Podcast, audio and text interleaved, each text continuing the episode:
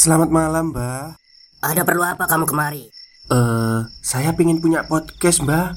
Biar pacar saya makin cinta sama saya. Loh, loh, loh. Mau bikin podcast kok tanya dukun? Sekarang kamu download aplikasi Anchor.fm. Di situ kamu bisa buat podcast gratis dan podcast kamu bisa didistribusikan ke platform mana pun. Dan di aplikasi atau website Anchor.fm juga terdapat fitur-fitur yang memudahkan kamu untuk membuat podcast. Oh, gitu ya, Mbak. Kalau gitu, saya boleh minta password wifi-nya, Mbak. Buat apa? Buat download Anchor.fm, Mbak.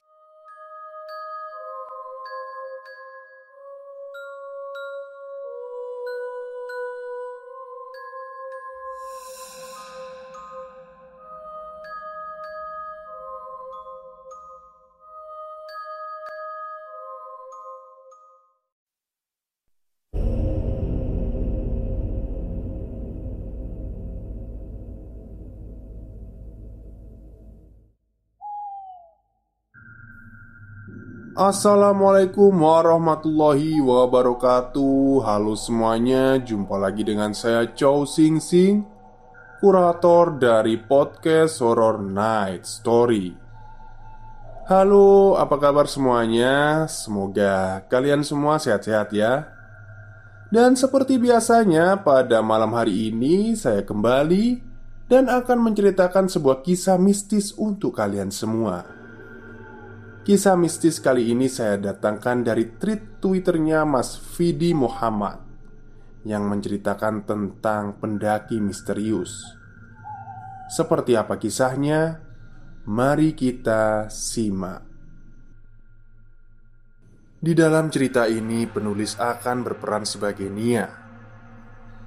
Berawal dari liburan semester. Kami satu kelompok Ada aku, Nia Maya, Fajar, Agus, Herman, dan Aldi. Mereka adalah remaja yang gemar melakukan kegiatan pendakian, kecuali aku. Aku masih awam dalam hal pendakian. Pendakian kali ini adalah pendakian kedua bagiku.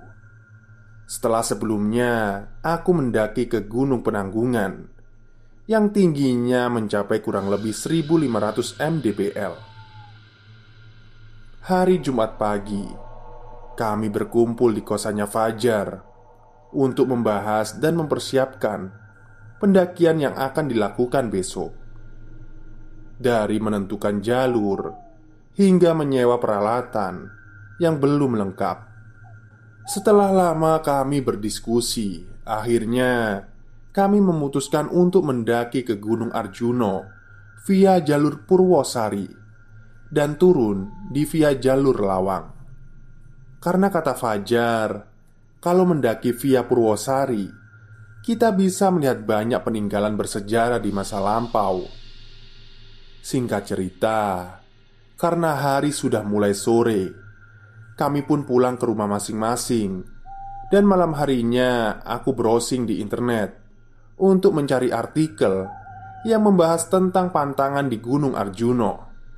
Dan aku menemukan salah satu artikel yaitu dilarang mendaki dengan jumlah ganjil. Singkat cerita keesokan harinya kami berkumpul di kampus dan berencana berangkat bareng dari kampus dengan menaiki kendaraan umum. Pada saat kami berkumpul di kampus, aku mendapat telepon dari Agus yang memberi kabar bahwa hari itu Agus tidak bisa ikut mendaki karena ada keperluan yang benar-benar mendesak. Tidak bisa ditinggalkan. Aku memberitahu Fajar tentang itu. Mendengar itu, Fajar sedikit kesal. Hingga akhirnya Fajar memutuskan untuk berangkat berlima saja. Mengingat artikel yang aku baca semalam bahwa mendaki ke Gunung Arjuno tidak boleh ganjil Aku pun bilang kepada Fajar Jar Apa enggak sebaiknya kita tunda saja pendakiannya? Hah? Memang kenapa ditunda? Kata Fajar. Aku sedikit bingung menjawabnya Dan enggan jujur Karena takut dibilang penakut. Kan gak enak sama Agus Jar. Apalagi kita kan berlima Emang gak apa-apa Jar kalau ganjil. Tanya aku kepada Fajar. Enggak, enggak Kita tetap harus berangkat hari ini. Kita sudah terlanjur menyewa peralatan loh. Lagian, kamu masih aja percaya sama hal gituan? Jawab Fajar yang masih kesal. Mendengar perkataan Fajar itu Kami pun langsung menurut dan berangkat hari itu juga. Sabit zuhur, kami berangkat dari Surabaya menuju pos pendaftaran Gunung Arjuno via Purwosari dengan menggunakan angkutan umum. Kami sampai di base camp pada pukul 2 siang. Kemudian, Fajar mengurus pendaftaran. Setelah selesai, kami beristirahat sejenak untuk melepas lelah saat perjalanan tadi. Kurang lebih 30 menit istirahat, kami memulai perjalanan dan tak lupa berdoa. Berjalan santai. Waktu itu jalannya masih sedikit landai dan dikelilingi pohon pinus.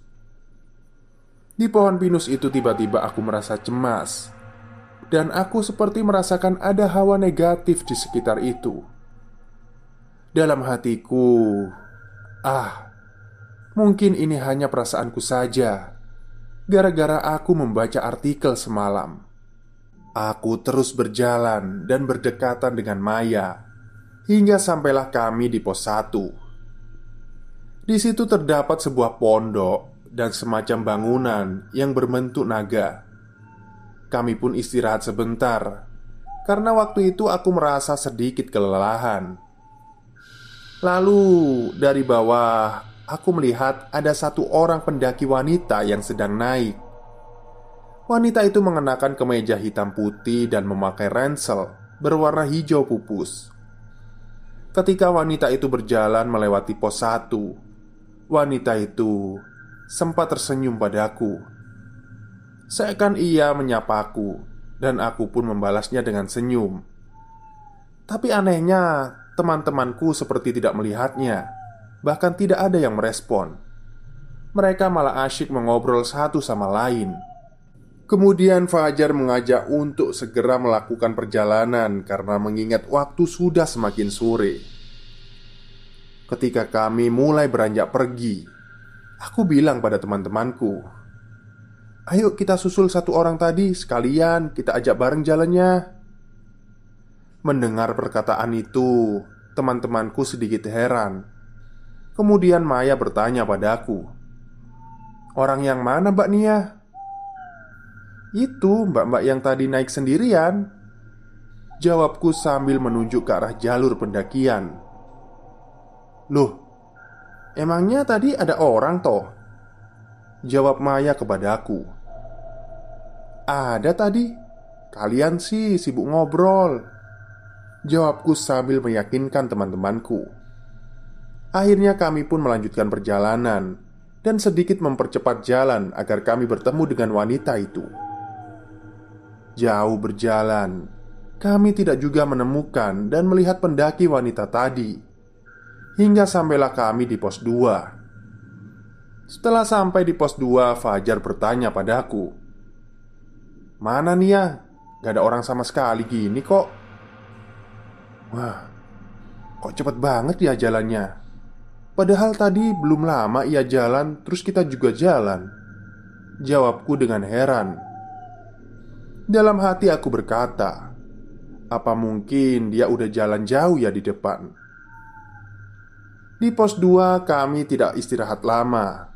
Kurang lebih hanya 10 menit. Lalu kami lanjut berjalan menuju ke pos 3 yang jaraknya tidak terlalu jauh. Kurang lebih hanya 15 menit berjalan. Lalu kami sampai di pos 3. Di pos 3, aku melihat ada bangunan yang bertuliskan Eyang Sakri.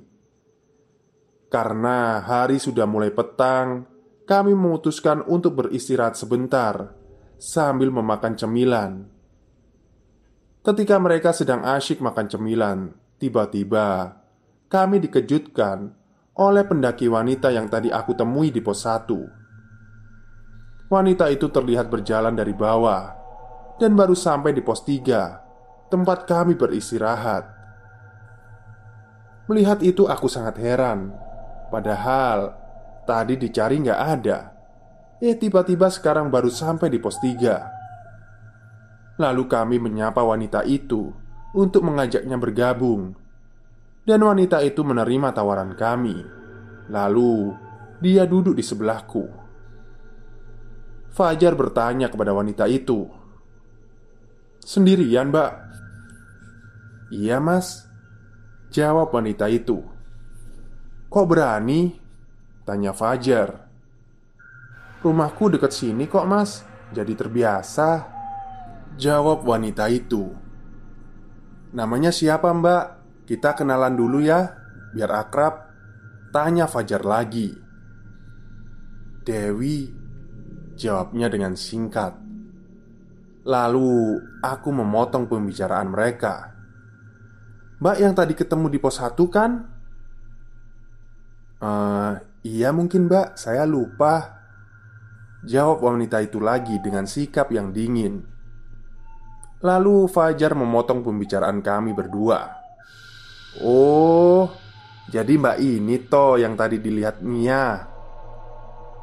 Wanita itu hanya tersenyum kecut. Tepat jam 6 malam Kami melanjutkan perjalanan. Dan wanita itu ikut berjalan bersama kami. Di dalam perjalanan aku merasakan bahwa Ada yang tidak beres Dengan pendaki wanita itu. Karena Dari gerak-geriknya sudah berbeda Dia memilih berjalan di posisi belakang. Tapi aku tidak mau berprasangka buruk Dan tetap berusaha berpikir jernih. Setelah kurang lebih satu jam kami berjalan Sampailah kami di pos 4 Yang dinampakkan Eyang Semar. Melihat jarak dari pos 4 ke 5 tidak terlalu jauh Fajar memutuskan untuk tidak break terlalu lama Jadi kami hanya sekedar minum lalu berjalan lagi ke pos 5 Aku berjalan di tengah-tengah, bersebelahan dengan Maya. Tiba-tiba, aku mencium bau yang sangat wangi, seperti bau bunga melati. Karena mencium bau wangi itu, sontak langkah kakiku terhenti, dan spontan aku menoleh ke arah Dewi karena bau wangi itu bersumber tepat dari arah dia berdiri. Dengan keras aku berkata Eh, bau apa ini? Wangi banget Jalan teman-temanku pun ikut terhenti Dan Maya yang berada di sebelahku bertanya balik Bau apa mbak Nia? Setelah pertanyaan Maya itu Bau wangi yang kucium Seketika menghilang Aku menoleh ke arah Dewi di situ Dewi hanya diam dan tertunduk menatap ke bawah. Lalu Fajar memintaku untuk melupakan dan melanjutkan perjalanan saja.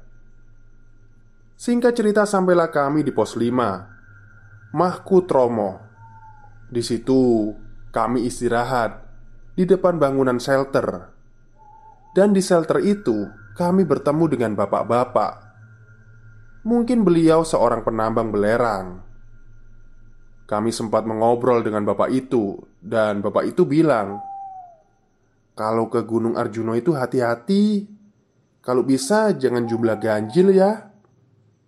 Lalu Fajar menjawab, "Memangnya kenapa, Pak?"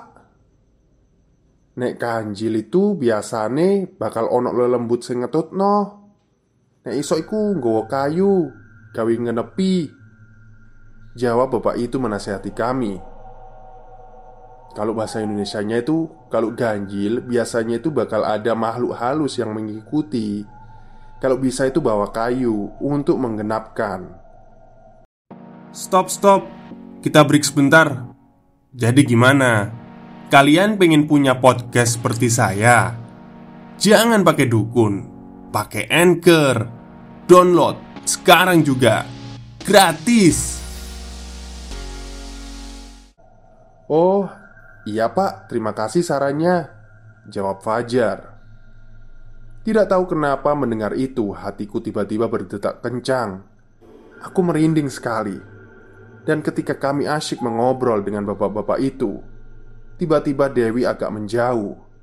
Seakan dia tidak mau berkumpul bersama kami dan bapak-bapak itu. Setelah kurang lebih 20 menit kami di situ, kami pun berpamitan kepada bapak itu. Kami semua bersalaman dengannya kecuali Dewi. Ketika kami akan meninggalkan pos 5, tiba-tiba bapak itu berpesan lagi Ojo lali, gawa kayu ya mas Jangan lupa bawa kayu ya mas Mendengar itu, aku merasa ada sesuatu yang tidak beres Padahal waktu itu kan kami berenam dengan Dewi Aku berpikir apakah bapak itu tidak melihat Dewi Aku pun semakin merasa ada yang tidak beres terhadap Dewi Singkat cerita sampailah kami di pos 7 Jawa Dipa pada pukul setengah sepuluh malam.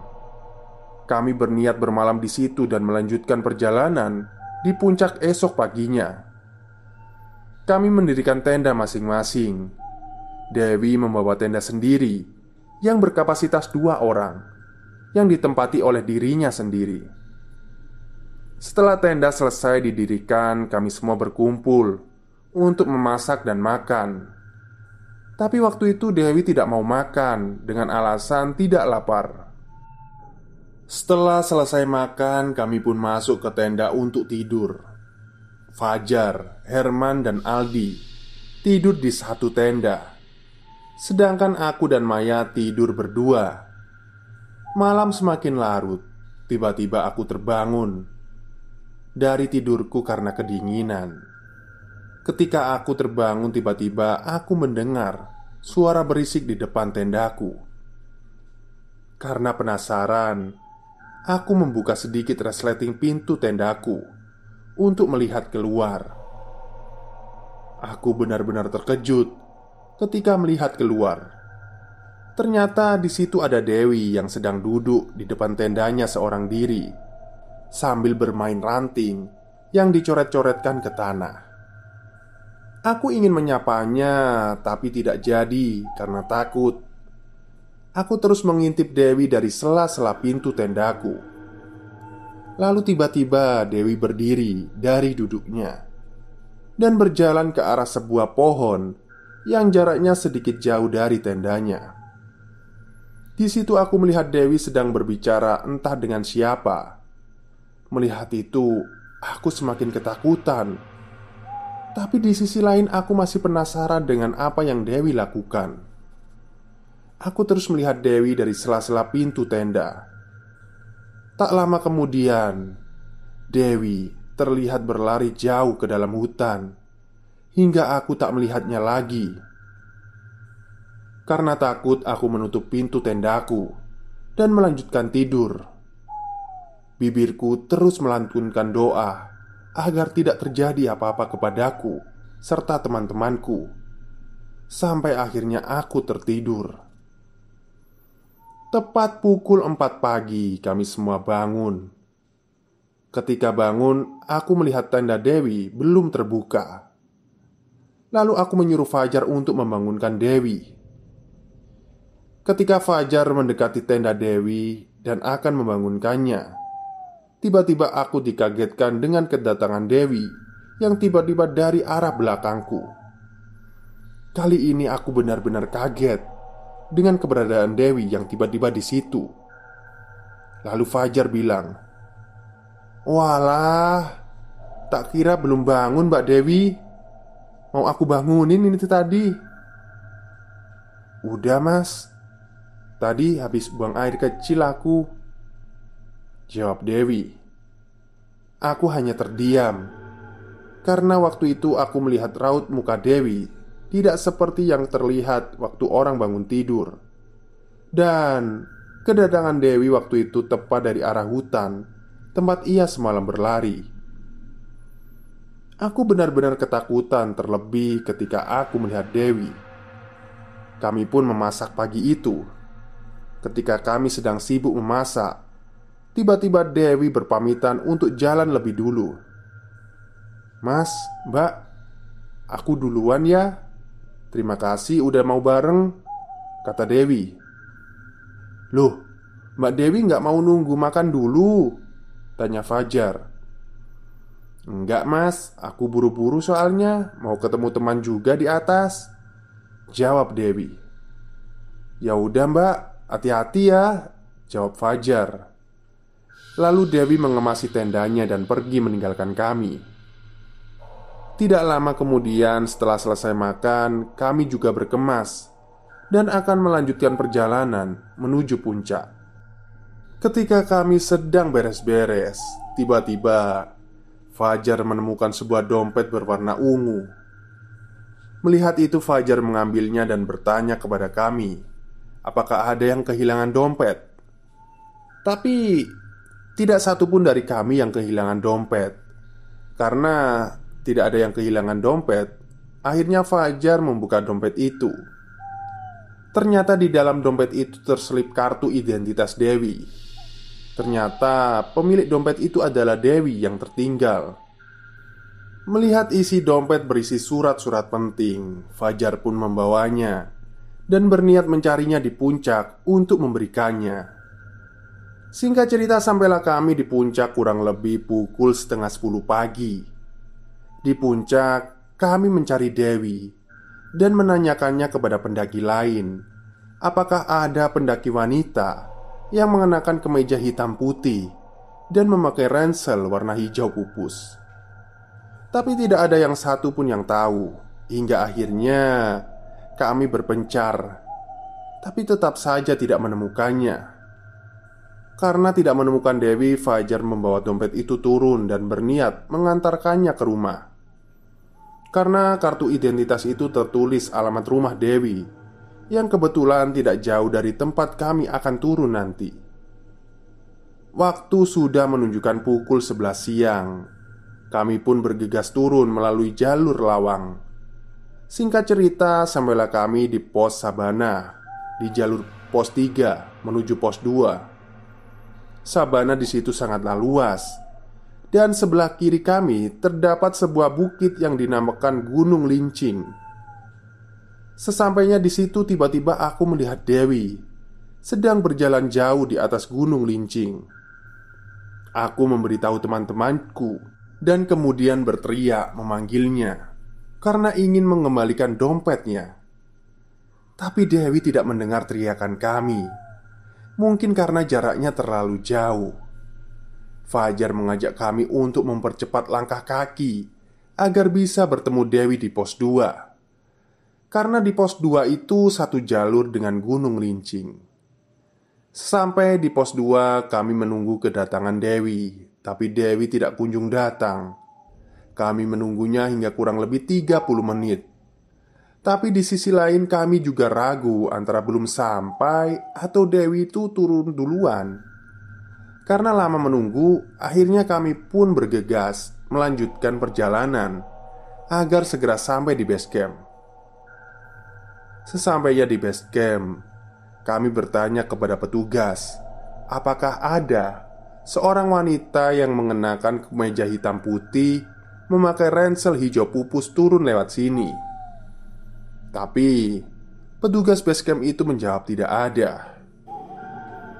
Aku menyarankan kepada Fajar untuk membawa dompet itu dan mengantarkannya ke alamat yang tertera di kartu nama Dewi.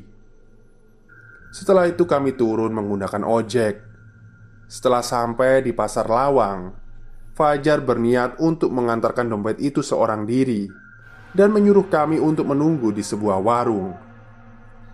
Karena menurut ojek yang akan kami tumpangi Alamat itu berjarak tidak jauh dari pasar lawang. Jujur Aku benar-benar penasaran dengan Dewi Aku ingin ikut mengantarkan dompet itu bersama Fajar Dan Fajar tidak keberatan. Akhirnya berangkatlah kami ke alamat Dewi. Sesampainya di alamat itu, Fajar meminta tukang ojek untuk menunggu kami. Fajar mengetuk pintu rumahnya, dan yang membukakan pintu adalah ibunya. Kemudian Fajar bertanya kepada ibunya Dewi, "Maaf, apa benar ini rumahnya Mbak Dewi?" "Benar, Mas. Mbak, ini temannya Dewi ya?" Jawab ibunya Dewi Iya bu, tadi kami sempat bertemu Mbak Dewi di gunung Dan menemukan dompet ini Tertinggal di gunung Jawab Fajar sambil menunjukkan dompet yang ditemukannya tadi Mendengar itu, ibunya Dewi menyuruh kami masuk Dan mempersilahkan kami duduk di ruang tamu. Kami disuguhi minuman dingin kemudian beliau berkata Mas, mbak, Terima kasih ya Sudah mau mengantarkan dompetnya Dewi. Iya bu, sama-sama. Memang Mbak Dewi belum sampai di rumah ya? Jawab Fajar. Sambil berlinang air mata Ibunya Dewi menceritakan kepada kami berdua Minggu lalu Dewi itu pamit sama ibu Untuk mendaki ke Gunung Arjuno Dan ibu mengizinkan setelah pulang dari gunung, Dewi sempat bilang kepada ibu kalau dia kehilangan dompet. Ya, karena teledor, ibu sempat memarahinya. Soalnya waktu itu surat-surat kendaraan ada di dompetnya Dewi semua. Keesokan harinya, Dewi kecelakaan ketika akan pergi ke rumah temannya untuk mengajaknya kembali ke gunung mencari dompetnya, dan nyawanya Dewi tidak terselamatkan. Dewi sudah meninggal dua hari yang lalu, dan ibu sangat menyesal sudah memarahi Dewi waktu itu. Mendengar cerita itu, kami berdua syok dan turut berduka cita. Aku benar-benar tidak bisa bicara apa pun. Ternyata Dewi yang kami temui di gunung itu bukan Dewi yang sebenarnya. Kami berdua pun berpamitan kepada ibunya untuk pulang. Kami kembali ke pasar lawang dan bersepakat untuk tidak menceritakan hal ini kepada teman-teman yang lain dulu sebelum sampai di rumah. Yang jadi pertanyaan, kalau dilihat dari hari pendakiannya Dewi minggu lalu, harusnya dompet itu sudah ditemukan oleh rombongan pendaki lain. Tapi Kenapa waktu itu rombongan mereka yang menemukannya? Oke, itulah akhir cerita dari treat horornya Mas Vidi Muhammad yang menceritakan tentang pendaki misterius. Kalau melihat pertanyaan akhir dari cerita ini ya Kenapa harus ditemukan oleh rombongannya Mbak Nia gitu ya? Kenapa nggak ditemukan oleh rombongan lain? Hmm, dua hari yang lalu. Pendakiannya seminggu ya. Ya nggak tahu sih. Ya mungkin aja takdirnya ditemukan oleh rombongannya Mbak Nia ini Baik Nggak usah dipikir serius-serius ya Nanti tambah pusing Oke mungkin itu saja cerita pada malam hari ini Kurang lebihnya saya mohon maaf. Wassalamualaikum warahmatullahi wabarakatuh.